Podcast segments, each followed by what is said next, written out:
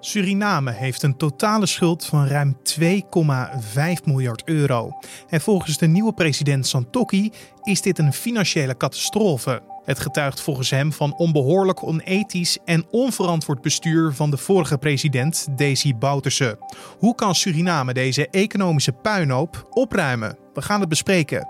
Dit wordt het nieuws. Suriname is een roversnest. Nou, in de afgelopen tien jaar is dat echt daadwerkelijk gebleken een roversnest te zijn onder leiding van allerlei figuren onder de president die gelukkig vertrokken is. Journalist Roy Kemraas kan ons straks alles vertellen over hoe slecht Suriname ervoor staat, of ze het zelf kunnen oplossen en of er nog meer verrassingen van tien jaar Bouterse als president naar buiten zullen komen. Maar eerst kijken we kort naar het belangrijkste nieuws van nu. Mijn naam is Carne van der Brink en het is vandaag dinsdag 4 augustus en je luistert naar de Dit wordt het nieuws middagpodcast. Ruim 2500 personen in Nederland zijn afgelopen week positief getest op het coronavirus, zo meldt het RIVM in hun weekcijfers. Dat zijn er ruim 1200 meer dan vorige week, terwijl er wel minder is getest. In de afgelopen week zijn 44 nieuwe COVID-19-patiënten opgenomen in het ziekenhuis. Dat zijn er 21 meer dan de week ervoor. Ook zijn zes sterfgevallen als gevolg van het coronavirus gemeld, en dat zijn er drie minder. Met name in Zuid-Holland, gevolgd door Noord-Holland en Noord-Brabant, is een toename in het aantal meldingen te zien, al dus het RIVM. Een kwart van de positief geteste personen is tussen de 20 en 29 jaar oud. Premier Mark Rutte en minister Hugo de Jonge van Volksgezondheid zullen donderdagavond weer een persconferentie geven. Daarin zullen ze een update geven over het stijgend aantal coronabesmettingen. Daarnaast kondigen ze zo nodig nog aanvullende regionale maatregelen af. Dat meldt een woordvoerder van het ministerie van Volksgezondheid, Welzijn en Sport. Het aantal coronabesmettingen in Nederland loopt al een aantal weken op. Eerder luidde het RIVM al de noodklok over de stijgende lijn. De laatste persconferentie van premier Rutte en minister De Jonge was op 24 juni. Toen werden de voorlopig laatste versoepelingen aangekondigd. De mededingingsautoriteit van de Europese Unie gaat de overname van Fitbit door Google formeel onderzoeken.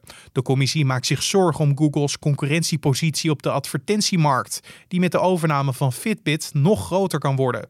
Google zou de gebruiksdata van Fitbit kunnen gebruiken voor Google advertenties, ook al beloofde het bedrijf eerder dit niet te gaan doen. Google maakte in november bekend Fitbit voor 2,1 miljard dollar, omgerekend zo'n 1,79 miljard euro, over te willen nemen. Met deze overname zouden zij beter kunnen concurreren met onder meer Apple en Samsung op het gebied van fitness trackers en smartwatches. Michel B., die wordt verdacht van het ombrengen van een man in Lelystad, heeft verklaard dat een seksueel getinte opmerking van het slachtoffer de aanleiding was om hem aan te vallen. Medeverdachte Jan van K. zou hem hebben geholpen, maar K. ontkent dat. De 72-jarige Gerrit T. werd op 28 april 2019 doodgevonden in zijn appartement aan de Rode Klif in Lelystad. Hij bleek de week ervoor te zijn gedood. Het Openbaar Ministerie denkt dat geld het motief was. Beide verdachten ontkennen echter dat er een motief voor het ombrengen van T was. Hij hoefde van mij niet dood, al dus beide verdachten. De drie mannen kenden elkaar uit de TBS-kliniek in Almere. De kerstverse president van Suriname, Chan Santokki, sprak duidelijke taal maandag in een persconferentie. Volgens hem zou de Surinaamse oud-president Desi Bouterse een overheidsschuld van ruim 2,5 miljard euro achtergelaten hebben. Het zou gaan om vele buitenlandse leningen, binnenlandse schuldverplichtingen en ook nog miljoenen aan binnenlandse schulden. In het kort een hoop economische kopzorgen. Santokki beloofde in zijn campagne en nu als president de grote economische problemen van Suriname aan te willen pakken. Moet Suriname internationaal uit de brand geholpen worden of kunnen ze zelf hun zaakjes opknappen? We gaan erover praten met journalist Roy Kemraach, want in hoeverre zullen de Surinamers geschrokken zijn van hoe groot het economische probleem in Suriname is? Eigenlijk niet, want het was uh, min of meer al bekend dat er een vrij grote staatsschuld uh, is die de regering Santokki overneemt. Maar we hebben gisteren de exacte bedragen gehoord en die zijn veel groter dan verwacht toen de regering Santoki aantrad, uh, werd overal het cijfer 2,3 miljard US dollar genoemd. En gisteren is gebleken dat dit bedrag tegen de 3 miljard US dollar aan ligt. Hè? Dat is het totaal van alle schulden die Suriname heeft. Dus in die zin is het toch wel even schrikken. Ook nog vermeld, de mededeling gisteren, dat er nog meer lijken uit de kast kunnen komen, want die klus is nog niet geklaard. Dus iedereen wacht in spanning af uh, wat er nog meer naar buiten zal komen. Maar dit is al erg genoeg. De nieuwe president heeft al meermaals in zijn campagne, maar ook als president nu gezegd dat hij uh, de economische problemen wil aanpakken. Zijn de eerste stappen al gezet voor verbetering of gaat het echt alleen nog maar om het inventariseren? Nou, de eerste stappen zijn al gezet hoor. Sinds uh, de nieuwe regering is aangetreden zijn er al een aantal maatregelen in de pipeline, om het zo te zeggen. Want dat moet allemaal ook nog door het parlement geloodst worden. Dat is bijvoorbeeld een solidariteitsheffing op de hogere salarissen in de ambtenarij. Hè, een 10% solidariteitsheffing. Vandaag is bekend geworden dat de government take op de benzine met 1 Surinaamse dollar verhoogd wordt. De belastingschijven worden tijdelijk aangepast. De lagere inkomensklassen die gaan omlaag. En dat wordt allemaal aangegeven met een tijdelijkheid die natuurlijk rekbaar is. Want hoe lang uh, moet je deze offers uh, vragen om een beetje uit de diepe dal te kunnen komen? Daar is nog een duidelijkheid over. Maar ik vind wel goed dat de regering daar open over communiceert en op iedereen beroep doet. En wat je ook ziet is dus dat vanuit de bevolking wordt opgeroepen om vooral achter de boeven aan te gaan van de afgelopen tien jaar. Nou, die oproep wordt ook beantwoord, want de president uh, gaat aan de slag met een speciale corruptie-eenheid bij het Openbaar Ministerie, die vermeende gevallen van uh, corruptie gaat onderzoeken. Dus ook daar waar er geld te halen zal zijn, zal deze regering het niet nalaten te doen. Maar zou Suriname het allemaal zelf kunnen oplossen, de problemen die er nu liggen? Of heeft het echt hulp nodig van anderen? Ze hebben hulp van anderen nodig. En dan begin je eerst te kijken naar het eigen land. Anderen, dat zijn bijvoorbeeld mensen die uh, nu thuis zitten, hè, omdat ze van de NDP-regering waren. En Santoki vindt van ja, je gaat niet nodeloos thuis zitten omdat je van een andere regering was. Wij gaan een gesprek hebben, want je gaat voor deze regering, voor de functie waarin je bent aangesteld, hard moeten werken. En dat vind ik een goed uitgangspunt. Natuurlijk gaat het bij hogere functies om politieke loyaliteit. Hè. Ben je bereid om uit te voeren wat, wat jou wordt uh, opgedragen? Dus uh, die screening die gaat nu plaatsvinden. Dat vind ik goed, hè, want er is genoeg kader in Suriname om uh, uh, aan te wenden, om te vragen om uh, die klus te klaren van allerlei dingen die zeg maar in Suriname zelf gedaan moeten worden. Twee is dat saneringsprogramma, waar de kantoren nu al van duidelijk worden, hè? Die, die, die aanpassingsmaatregelen.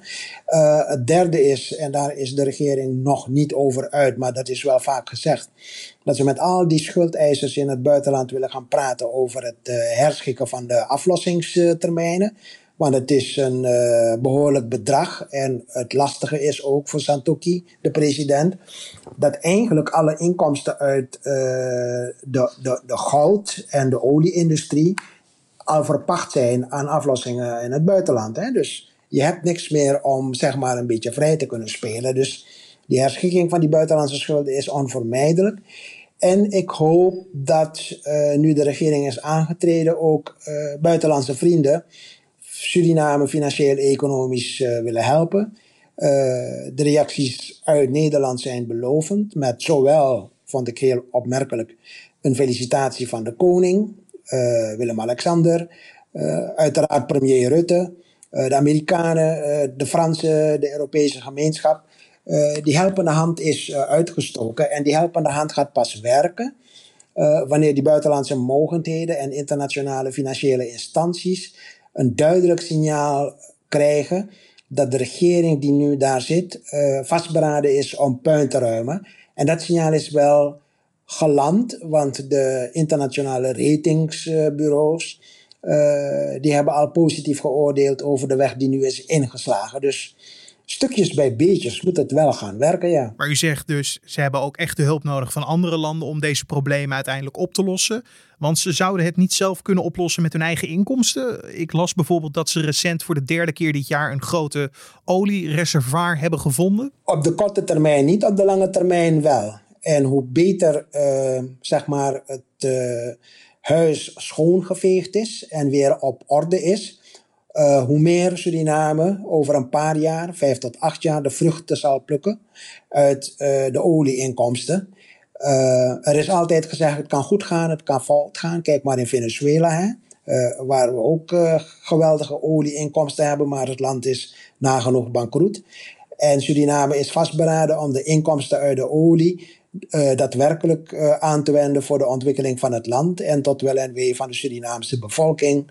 Door bijvoorbeeld investeringen in infrastructuur, onderwijs en gezondheidszorg. Alleen wat er nu gevonden is, dat dat kan pas echt operatief zijn over een aantal jaar of lucratief zijn over een aantal jaar. Ja, maar dat er olie is, dat staat als een paal boven water en ook van goede kwaliteit. Dus uh, men is al bezig, maar uh, er zal veel meer tijd aangegeven moeten worden om uh, alle voorbereidingen te treffen, instituten, deskundigen en dat soort dingen. Om uh, die olieinkomsten uh, in goede banen te leiden. Dan even terug naar de problemen waar Chan Santokki nu mee geconfronteerd wordt. Hij is nu bijna drie weken officieel de leider van het land. Na de overdracht van de macht bleken er nog een aantal andere zaken ook niet te kloppen, los van de economische huishouding. ik noem een, een wagenpark en het ontbreken van computers. Ja, dat is heel erg rampzalig om dat mee te maken als nieuwe regering die aantreedt. Ik bedoel, ik geloof de president natuurlijk wanneer hij zegt dat hij op kantoor komt en ziet dat er niet eens een printer en een computer is om uh, op te werken. Andere ministers hebben dat ook uh, aangetroffen. En al die verhalen die naar buiten kwamen, die leveren toch wel het beeld op van een enorme roof die er heeft plaatsgevonden van eigenlijk staatseigendom. Hè? Ook een printer is van de staat. Dit is aangeschaft door het land om te werken op een ministerie. En dan kan je dat niet zomaar naar huis meenemen. Uh, uh, goede, goede auto's. Hè? Het wagenpark van de overheid is voor een appel en een ei verkocht aan uh, vrienden en aan relatives. tot het schaamteloze af. Totdat er zoveel kritiek kwam dat één minister zelfs besloten heeft een auto met een waarde van ruim, ruim 40.000 US dollar, die hij voor 2000 had gekocht, toch maar weer terug te, geven. En ik moet zeggen dat al deze uh, uh, feiten, want dat zijn ze, die nu naar boven komen en die worden uitgediept en er komt meer naar boven, toch wel een, een, een verwoestend beeld geven van uh, de NDP, de politieke partij van president Bouterse dat eigenlijk geen politieke partij is, maar gewoon een roversnest. Zij worden van uh, onder andere uh, oud-VVD-fractieleider Frits Bolkestein in het Nederlandse parlement. Suriname is een roversnest. Nou, in de afgelopen tien jaar is dat echt daadwerkelijk gebleken een roversnest te zijn onder leiding van allerlei figuren onder de president die gelukkig vertrokken is. Ja, en het einde is nog niet in zicht hè, qua dit soort schijnende verhalen. Nee hoor, er zal ongetwijfeld meer boven water komen. Bijvoorbeeld uh, wat, wat, wat, wat ook uitgebreid onderzocht gaat worden. Er zijn bijvoorbeeld in het afgelopen half jaar, dat is ook een van de dingen die gisteren op die persconferentie van de president uh, op tafel kwam. In het afgelopen half jaar zijn er maar liefst uh, eh, 3000 nieuwe ambtenaren bijgekomen. Uh, ook hele zware functies, directeuren, beleidsmedewerkers en dat soort dingen. Daar heeft de president een commissie voor geïnstalleerd die al die aanstellingen gaat onderzoeken. En ik denk dat uh, we daar ook nog meer het uh, nodige over zullen horen. Uh, en zo zijn er ook nog wel andere dingen, bijvoorbeeld gronduitgiftes, waarvan we ook nog weinig weten. Dus ja, er zal veel, veel meer komen. Van belang is dat als ja, die gegevens op tafel komen, dat er iets mee gedaan wordt. Hè? En dus iedereen kijkt naar dan hoe die commissie uh, operationeel gaat worden gemaakt. Hè, die die corruptiegevallen gaat uh, onderzoeken en, uh, en berechten. Hè, dus er wordt, wordt een speciaal corruptietribunaal. Ehm, dan moeten we maar afwachten of dat gaat werken. Dat was journalist Roy Kemraatje over de economische uitdagingen van Suriname voor de komende tijd. En dan het weer. Het was vandaag een vrij zonnige dag met wel wat bewolking landinwaarts. Vanavond en vannacht zijn er brede opklaringen. De temperatuur daalt tot een graad of 12 en de wind valt dan weg. Morgen is er veel zon en wordt het 23 tot 30 graden. En de wind waait dan meer uit zuidelijke richtingen. En om af te sluiten nog even dit. Ferry Doedens gaat goede tijden, slechte tijden verlaten. RTL bevestigt dat de acteur die de rol van Lucas Sanders speelt, zal vertrekken nadat in de afgelopen maanden een lastige werkrelatie was ontstaan. De acteur zal nog tot eind november spelen in de serie, zodat de makers het verhaal van zijn personage tot een mooi einde kunnen brengen. Doedens reageert zelf via Instagram op het nieuws. Hij zegt verdriet te hebben van zijn vertrek, ondanks dat het op een prettige manier was besloten met zijn werkgever. Doedens werd begin juni nog twee weken op non-actief gesteld. Toen bleek dat hij zich niet aan de coronamaatregelen had gehouden. Shownieuws meldde gisteren op basis van bronnen dat Doedens zijn baan is kwijtgeraakt nu, omdat hij zich opnieuw niet aan de maatregelen hield. En tot zover de Dit Wordt Het Nieuws podcast voor deze dinsdagmiddag 4 augustus. De podcast vind je in de ochtend en middag op de voorpagina van nu.nl en in je favoriete podcast app. Apple Podcast, Google Podcast of Spotify. Je kan je gratis abonneren en zo mis je geen aflevering. Heb je vragen, suggesties of feedback voor ons? Stuur die dan door via een mailtje naar podcast.nu.nl podcast.nu.nl en je kan een recensie achterlaten bij Apple Podcast. Mijn naam is Carne van der Brink. Ik wens je een mooie avond en hopelijk tot morgen. En dan ben ik er ook weer. Tot dan.